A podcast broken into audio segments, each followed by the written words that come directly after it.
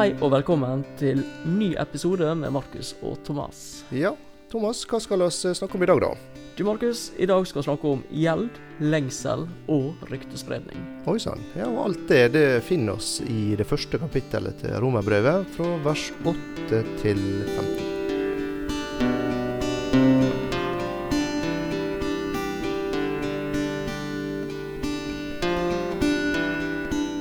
Nå sitter vi her, det er langfredag i dag. Det er en dag jeg har mye minner knytta til Vigra Vedhus Mm. på. Det var ofte Jeg Husker en gang jeg satt her oppe og så uh, Passion of the Christ uh, med ungdomsgjengen og uh, i det hele tatt eh, Ikke sånn Så det, det er rart, da, å ha kjørt forbi bedehuset nå flere dager i, i denne ferien, og ingenting skal skje.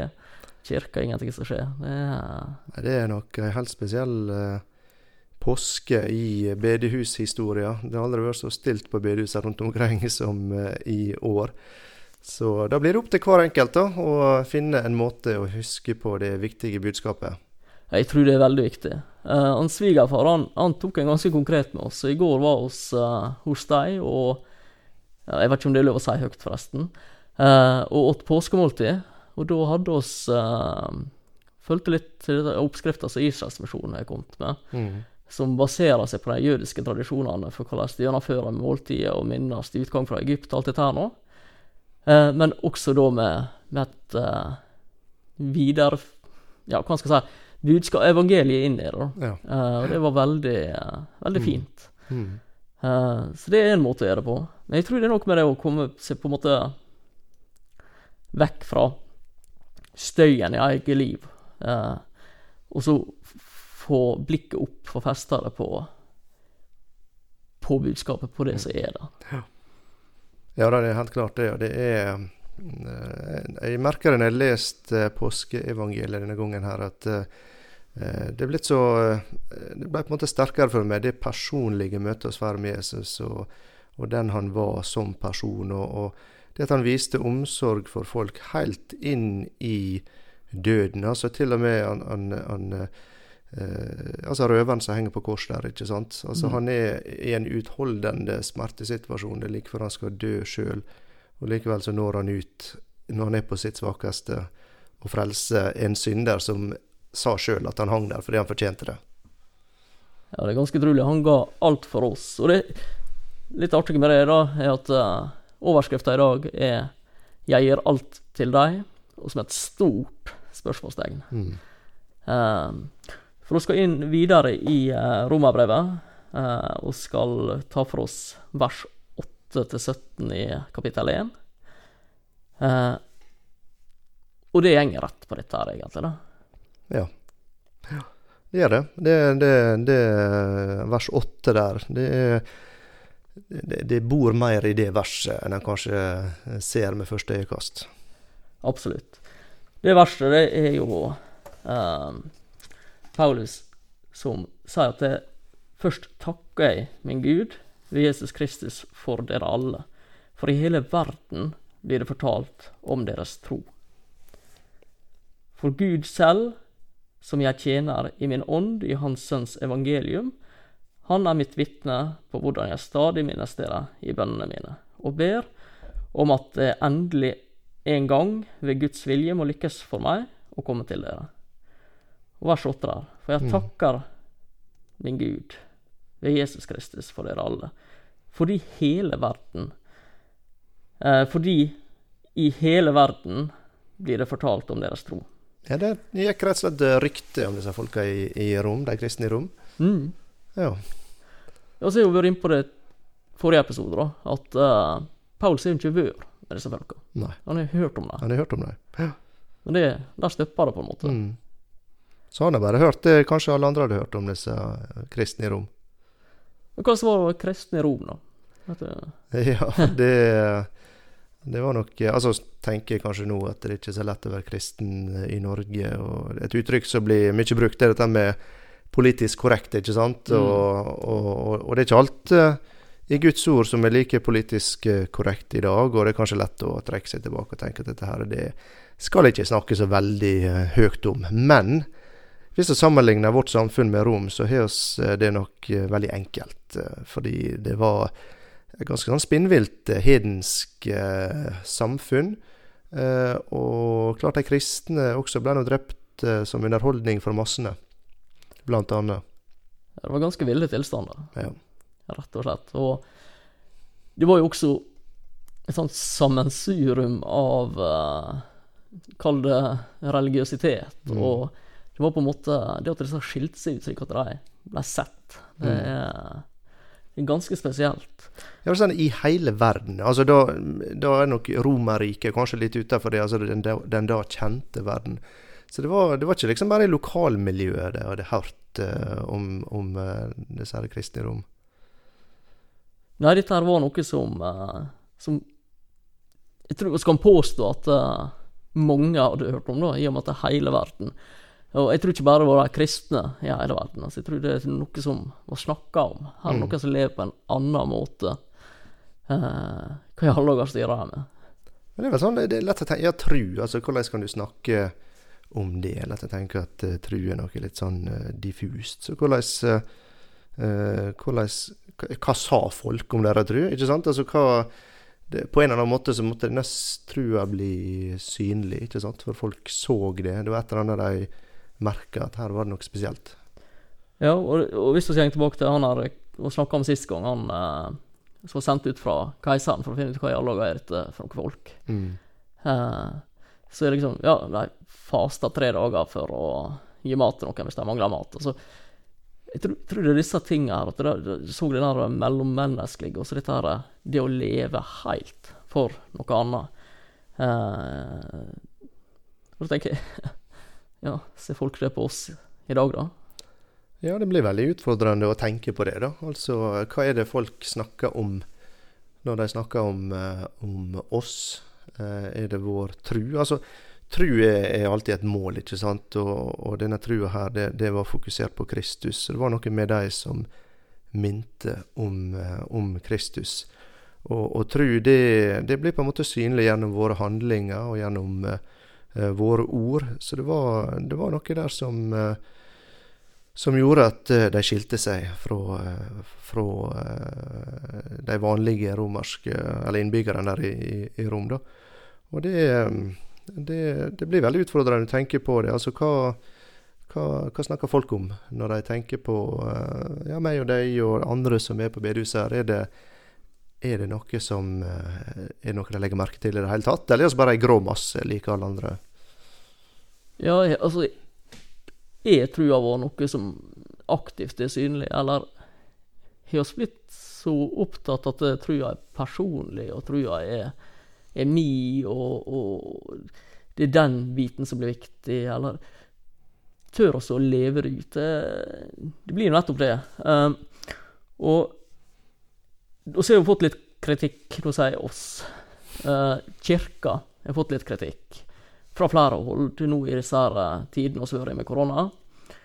Uh, der enkelte sier at ja, før så uh, Når det oppsto sånne situasjoner, så var det kristne de som sprang rett sted og skulle hjelpe de syke. Og, og nå stenger oss kirkene, og nå stenger oss bedehusene og holder oss for oss sjøl. Og, um, og det er jo litt rart. Ja, det er det. Ja, det er veldig rart. Det er det. Og jeg tenker det er viktig i en sånn situasjon at uh, oss uh, tenker som så at uh, er det Altså snakka forrige, var det forrige gang, gangen før der igjen om ferdiglagte gjerninger. Så hva er det, er det noen gjerninger som Gud har for oss? Og så finnes det likevel noen muligheter, kanskje nye muligheter, for å vise kjærlighet. Altså at vår tru kan bli til praktiske gjerninger som er til hjelp for for de rundt oss. Og det trenger ikke å være så spektakulært. Altså, det kan være bare eh, og, og, Altså Ja, det blir kanskje litt avsporing, da, men for oss som kristne så skulle våre medmennesker det, det skulle ha veldig høy verdi. Og hvis det er noen oss som, som oss vet om som har det litt vanskelig, eller som er ensomme, så skulle eh, oss som kristne har iallfall en sterk motivasjon til å være tidlig ute med å, å nå ut og hjelpe og oppmuntre. Og så kanskje ta denne telefonsamtalen, sende denne meldinga Mm. i disse tidene. For oss må vi være klar over det, da. At uh, den kritikken er grei nok, den som har vært. Men så må vi huske at eh, som kristne, det var vi inne på sist gang, så skal vi følge de eh, reglene som er i det landet vi er. i. Og nå Mm. er reglene at vi ikke løper å møtes. Og da må vi forholde oss til det. Mm. Men det er så mye vi kan gjøre. Uh, og nå skal jeg gjerne kunne sitte her og klappe meg sjøl på skuldra og sagt at jeg har gjort så mye. Uh, jeg har ikke egentlig det. Jeg har vel vært mest opptatt med meg og mitt. Uh, Prøve å få huset til ikke dette fra hverandre og alt dette her nå. Det er jo litt action med fire unger som kaver på. Men så er jeg også blitt minnet på Kanskje du skal sende en melding dit. Kanskje du skal gi en liten oppmuntring der. Og noen ganger har jeg gjort det, andre ganger ikke. Noen ganger jeg ikke gjort det og kommet på det etterkant. Så jeg tenkte ja, det var jo et godt uh, eksempel. Mm. Mm. Ja da, og det Jeg tror det nesten må være litt sånn. Altså, det er ikke sant å prøve å gi folk dårlig samvittighet. Og, altså, det er en dårlig motivasjon egentlig for å, å gjøre sånne ting. Da. Men eh, tenk på altså, I påska, bare å tenke på Jesu eksempel, altså hans offervilje. Eh, og det han var villig å gjøre og gå gjennom eh, for andre, for oss. Det, en, det kan bli en veldig kilde til inspirasjon for å være villig til å, å, og gjøre noe for andre. Og jeg, jeg tror det er mange som gjør det også. Og det, det skjer nok litt mer i det skjulte nå. Det er kanskje en del historier som vil komme fram eh, etter hvert, som vi eh, ikke vet om ennå. Det tror jeg. Og så er det veldig spennende at veldig mange kirker og trossamfunn har gjort veldig mye på nett i Mm. disse ukene så godt, og det kan være frukt. Så det er veldig spennende å se. Mm. Tenk, jeg tenker på det at eh, oss opplever jo i dag, slik som folk før oss opplevde, at eh, samfunnet vender seg vekk fra Gud. Og ser mer og mer som gjør at det skal bli vanskeligere for oss å leve som kristne, åpent og ærlig. Uh, eneste eneste som ikke eh, på en måte er tolerert, det er å ikke tolerere, ikke noe sånt? Ja da. Og da er spørsmålet Gjenger det an som kristen, og, eller som kristne, som kristenheit, å oppleve vekst og blomstring i et samfunn som stadig utsetter oss for et større press, en større kall det undertrykkelse? Har du noen tanker i forhold til det, eh, opp imot dette romerne er oppi? Ja, det er klart eh, det er nesten vanskelig for oss tror jeg, å forestille seg det presset som de opplevde der i, i Rom. Og det, det som man ser opp gjennom kirkehistorie, er nå det at eh, som kristne, når vi ser det godt, så blir vi gjerne litt slappe og litt eh, daffe. Og det er litt eh, motstand, litt eh, ytre press.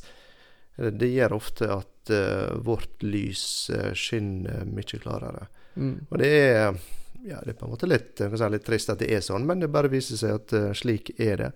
Så jeg tenker det at eh, sånn sett så trenger ikke vi å være så redd for at samfunnet Altså det er trist at samfunnet på en måte gjenger eh, feil vei, og kan på en måte begynne å ane at det er ikke så langt der framme at eh, det kan bli en del vanskeligere å, å, å holde og framholde et klassisk eh, bibelsk eh, syn, på en måte. Men, eh, men eh, kristne har levd gjennom mye verre perioder tidligere, og det som skjer, det er som sagt at evangeliet og som kristne blir, eh, blir mer brennende. Da. Det, Sånn er det iallfall vært historisk sett. Ja, det ser ut som at når vi blir lagt under press, da begynner det å skje ting. Mm. Da er ikke vi sløve lenger, da, da begynner vi å våkne. Ja da. Um, hvis vi går litt videre Nå s- vært i vers 8, for de som lurer på hva i alle dager er det nå, så står vært i vers 8 ganske lenge. Uh, I 9 og 10 så ser vi oss litt dette her som uh, altså denne innstillinga som Paulus har. Noen uh, Kall det gudgitt innstilling til uh, situasjonen sin.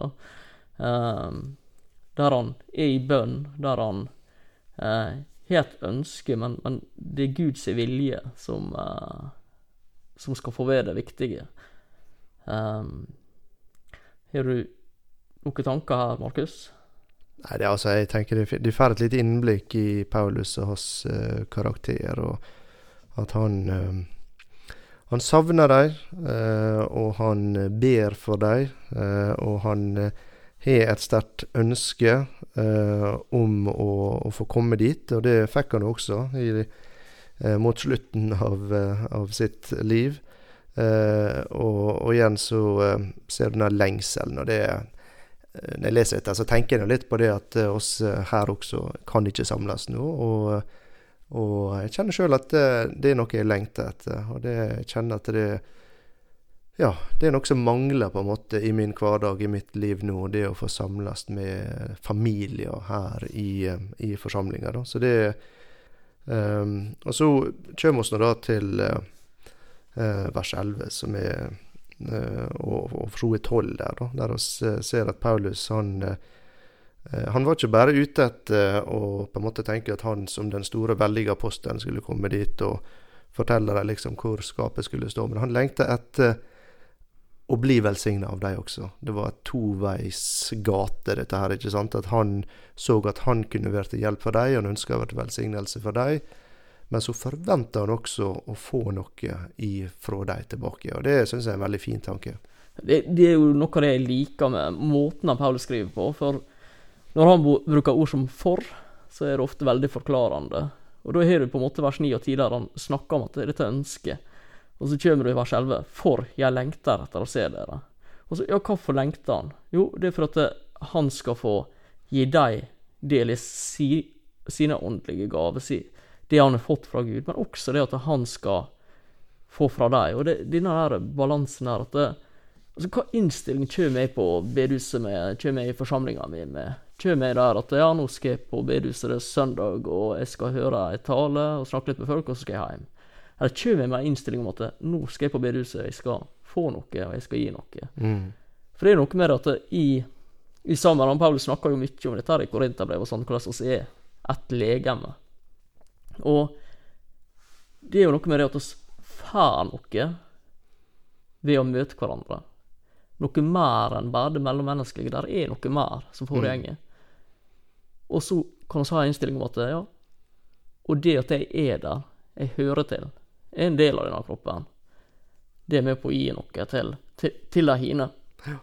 ja, klart det på ene sida det er veldig fint å på en måte utforske og finne ut uh, hva, er, hva er de gaver, altså hvordan kan du tjene andre i, i forsamlinga. For noen er det kanskje lettere, og noen er litt vanskeligere. og og så er det veldig lett å bli opphengt i de som kanskje står fram på scenen eller har litt mer synlige oppgaver. Men, men saken er den at uh, hvis uh, Ja, du Thomas, da. Hvis du har et behov eller et eller annet du sliter med, og Gud ønsker å hjelpe deg, så er det Måten han ofte gjør det på, det er gjennom sine. Altså, så, så, og jeg, jeg, kan være sånn jeg kommer på bedehuset, og hvis jeg har en dårlig dag, så har jeg tendens til å på en måte holde meg litt for meg sjøl. Men egentlig burde jeg tenke altså, hvem, Kanskje er noen her i dag som Gud ønsker å bruke for å møte mitt behov. Og, og jeg sier ved det også at oss av og til kan tenke at Gud virker litt eh, fjern, og hvorfor ser ikke han meg nå? Men samtidig er det ikke så åpne for at Gud skal bruke eh, sine. Her kaller han det hellige. Altså du som kristen blir ofte i Bibelen kalt eh, Guds hellige. og og, og han, ser, eh, han ser dine behov, og så ser han kanskje at eh, den og den og den kan jeg bruke til å møte ditt behov. ikke sant? Men da det må vi ha en slags eh, forventning til at dette kan skje, og være åpen for at Gud kan bruke andre rundt oss eh, i våre liv. Og samtidig må vi være, være, åpne for å bli brukt. ikke sant? Så det blir sånn den toveisgata som Paulus er inne på her. Jeg var ute og gikk på tur i dag. Og nå følte jeg det passa egentlig greit inn. Og, og uh, ikke for å skryte av at jeg var på tur, men uh, jeg fikk, jeg fikk, et lite bilde mens jeg gikk der. og så gikk bakom fjellet på Valdrea. Det er veldig mange ute på tur for tida. Det er ikke mye annet å gjøre på. Du veit hva det var? var det, det, var tjukt. Det var det, ja. ja da. Og bare sånn, i og med at det er noe som er i media, så ja, det var joggere, og ja, de spytta. Sånn er det bare. Ja, ja. Men, men. Tok du krokfot på dem? Vurderte. Det var en som kom imot meg som jeg trodde jeg kjente. Jeg å, han kom joggende. Skulle jeg til å si til han han passerte at jeg må huske å spytte. Og Idet jeg åpna kjeften for å begynne å snakke, så innså jeg at nei, det var ikke han jeg trodde. så det kunne blitt veldig gøy. Nei, du, um, på vei uh, tilbake så går over der, dette her eh, grusuttaket, skal jeg si. Altså, der, ja. Og der har jeg lagt ei bru av betong. Mm. Og så ute og trilla vogn. Og denne vogna den støyer noe voldsomt. Ikke at jeg tenkte over det. Du gikk På- bortover på grusen, Ja, jeg gikk bortover ja, grusen, og, og det laga ikke lyd uten at du tenkte over det. Og så kom du opp på denne betongen, og det ble helt stille. Det ble så stille at jeg faktisk kvidde meg for å komme på grusen igjen. Um, sånn kan det være litt, dette her med å, å, å, komme sammen som kristne. At i livet vårt så er det så mye støy, så mye im impulser, så mye som preger oss. At sjøl når jeg setter meg ned med Gudsordet og eh, skal ha ei stille stund, så er det kanskje støy jeg ikke legger merke til. Men så får jeg komme så får jeg være sammen med, med familien her på huset, eller i andre sammenhenger, i bibelgrupper og, og lignende. Og der, på en måte med hjelp av det andre, så, så blir det støyen fjerna, du får fokusere litt en liten stund. Men det er klart, Da kan det bli trasig å skulle gå tilbake når du innsetter all den støyen rundt deg. Men det kan også ha gitt deg noe nytt til å, Mm. til å møte en verden med støy med. da. Uh, og På den måten så tenker jeg det er veldig viktig dette med det fellesskapet, og, og hvor viktig det er for oss. Og så syns jeg det er veldig interessant at han Paulus som apostel, som, som på en måte ikke Han er ikke vært der engang. Allikevel så tydelig ser disse verdiene og, og legger dem fram. Da.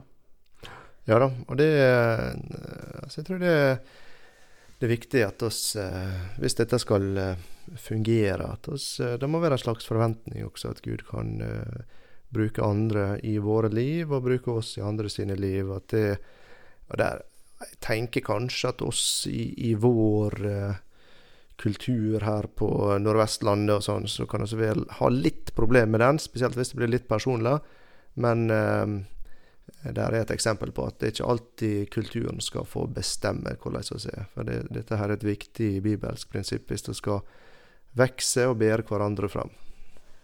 Ja, og da må jeg bare beklage, jeg da som valdring som kommer på Vigra. Uh, det tok meg ganske lang tid å innse at uh, her skal han uh, her, her skal han bruke litt tid når han prater. Han skal ikke gå rett på sak. Han skal på en måte ligge litt bakpå, dra litt på orda, og gjerne ta en tur utom fiskebåten før han begynner å snakke om ting. Eh, så det, jeg må nå bare beklage til de jeg tråkka på der. Men eh, nei da, jeg tror ikke det er så mange. Jeg håper ikke det. Eh, men for, ders, dersom disse tingene som vi snakker om nå, blir på en måte utfordrende, krevende for folk, så blir det veldig spennende å gå videre på vers 14 her. da. Ja, og i vers 13 så snakker han litt Ja. om at han har hatt veldig lyst til å komme, og det, det er litt artig det også. på en, Altså artig, men se for at Paulus sleit litt med de samme tingene som oss. Du la planer, og du har ikke alltid ting skjedde. og eh, ja, og så kommer han da til, eh, til vers 14 og eh, begynner å snakke om at han har et gjeldsproblem. Gjeldsslave, er det han blitt? Tydeligvis. Ja. Altså, han har På et tidspunkt så har han rett og slett eh, gått fra å være i gjeld til, til døden, skulle jeg si, til uh, Ja. Uh, til, til å nå stå i gjeld for, for det evangeliet han har fått kjennskap til og fått blitt en del av. Ja, altså gjeld til døden. Ja, det er klart, som menneske så, så har du egentlig ei, ei, eh, gjeld pga. synda di som, som ikke kan, kan betale. Men det er ikke den gjelda vi snakker om her nå. Nei, det, det er Kan du kalle det ei positiv gjeld? Uh, jeg, vet, jeg prøvde et eksempel for å høre om, du, om dette hjelper deg. da. Altså, jeg, jeg, jeg sa, For å prøve å forklare til ungene mine, så sier jeg at hvis jeg gir hvis jeg gir Levi en eh, sjokolade, og så sier de at uh, halvparten av den skal du gi til Emma. Da har han fått noe, men samtidig så står han i gjeld, ikke sant? Fordi at han må gi uh, En del av det tilhører andre. Og det Jeg vet ikke, kanskje en litt forenkla versjon av det, da, men det, det er gjeld som oss har av at vi har fått noe, ikke sant? Mm. Ja. Ja, altså og, og så er det viktigheten av dette vi har fått. Altså det som har betalt den gjelda vi hadde. Det har en så stor viktighet i seg sjøl at vi må gi det videre. Mm -hmm. uh, og sånn sett så vil jeg si at det er positiv gjeld. Eh, samtidig så er det ei gjeld, som Paulus snakker om her. Mm. Altså, det er ikke, Ja da, det det er er ikke sånn at jeg eh, på en måte frivillig kan gjøre noe eller ikke gjøre noe. Jeg står i gjeld. Eller i hvert fall han står i gjeld, slik han Ja da. sier det. Og det dreiv Altså, det var en veldig drivkraft eh, i, i livet hans. Og, og det er klart, hvis jeg bruker eksempel med sjokoladen Hvis at Emma etter hvert hvis jeg spurte henne fikk denne sjokoladen, og så hadde ikke fått den, så det klart hun hadde blitt eh, litt eh, ja, skuffa. og jeg tror nok den gjelder blir tyngre, tyngre, ja, tyngre, større for oss, eh, dess større verdi vi ser i det Jesus har gjort. Dess mer det betyr for oss, dess viktigere blir det at andre får høre. Og da spørs jo nettopp det, hvor viktig er det for meg? Er det, er det på linje med andre ting i livet? Mm. Er, det, er det andre ting som er viktigere for meg? Eller er dette det som er den suverene førsteplassen? Mm. Jeg husker første gang jeg ble utfordra på eh, prioritering i, i livet. Uh, jeg kan, det er ikke sikkert første gang, men første gang jeg husker å ha blitt utfordra på det sånn for alvor, da, det var på en av de første ungdomskveldene jeg var på. Jeg husker ikke hvem det var som talte, men han, eh, han sa det at eh, Hvem som har førsteplassen i livet ditt? Det du sjøl? Er det familien din? Uh, er det hobbyene dine? Hva, hva, hva er først? Og så var det litt sånn småsnakking og sånt. Okay. Jeg tror de fleste snakker om andre ting, men det er jo greit nok. Så, han, så sa han det. ok, For min del så ønsker jeg at prioriteringa skal være Jesus, så kjerringa, så ungene, så meg sjøl, så jobben, så fritida. Mm. Eh, og dette å sette Jesus først um, Det er bevisste valg, prioriteringer. Og når du gjør det, da tror jeg også det gjør noe med deg. Mens hvis du på en måte skubber det litt under teppet og på en måte liker litt å ha det komfortabelt og, og syns det er greit å, ha noe med på lasset, men kanskje ikke så mye mer, da, da blir ikke dette så viktig. Det, det får ikke gripe det på den måten du kanskje trenger for å, for å få denne plassen som det er helt åpenbart har med Paulus.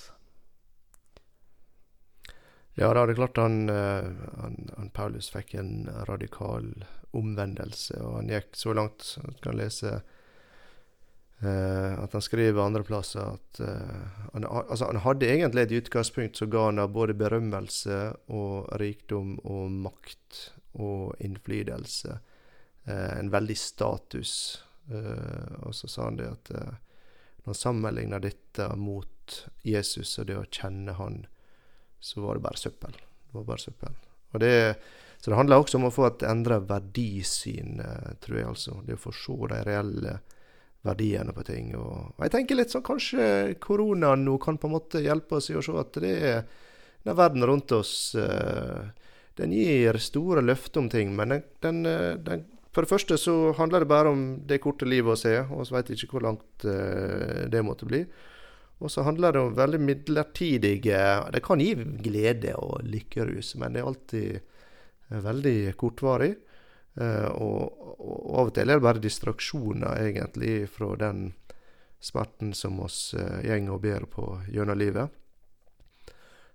Så, så du kan på en måte si at verden viser litt mer sitt sanne ansikt i disse tidene. At det den egentlig har å tilby, det er i beste fall noen lykkelige stunder, og så blir det avslutta, så er det ikke noe håp, det er ikke noe framtid. Eh, ingenting eh, varig. Det er død og smerte og forgjengelighet.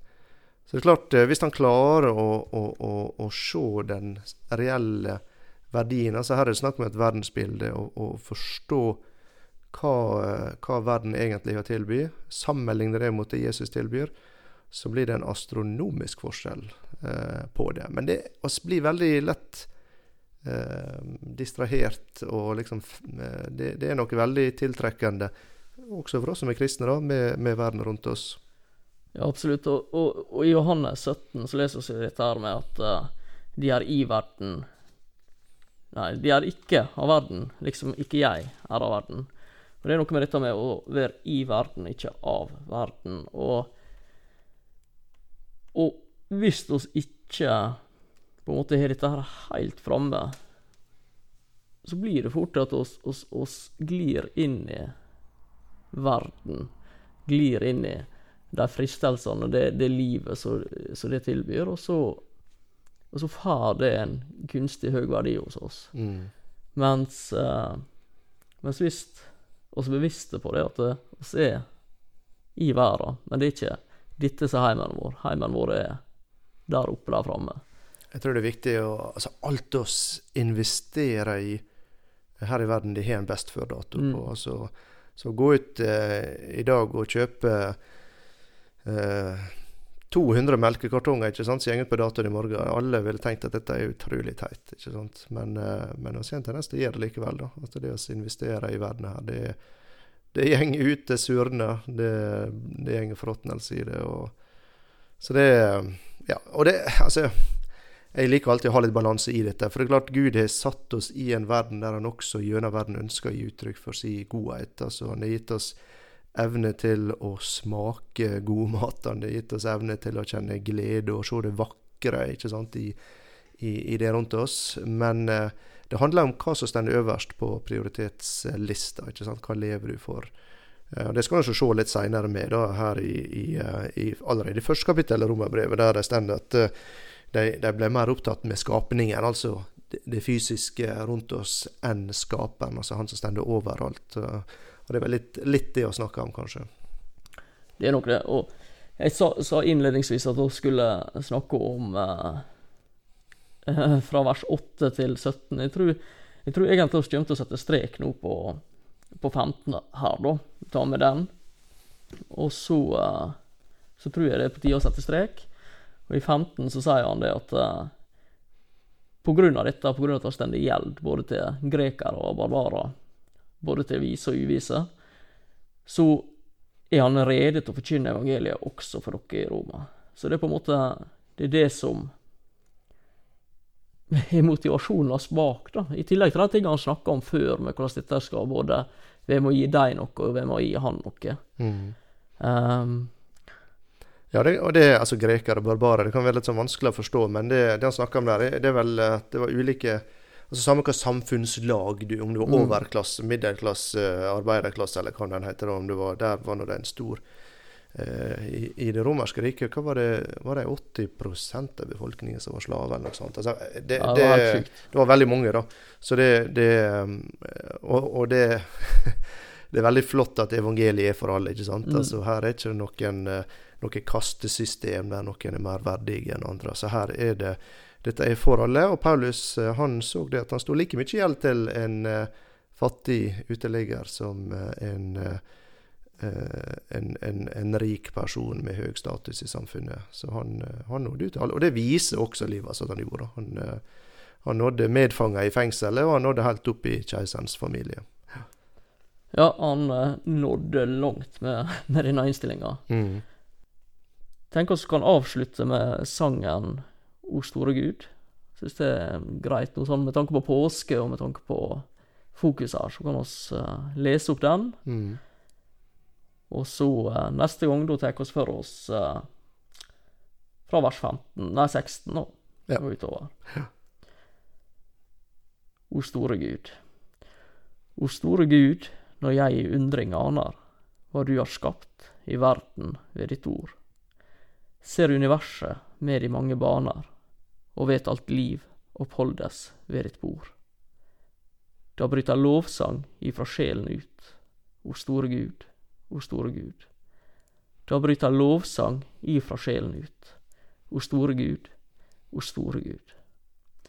Når jeg i Skriften ser de mange under, som Gud har gjort fra første Adams tid, og ser hvor trofast Herren alle stunder har ført sitt folk igjennom livets strid.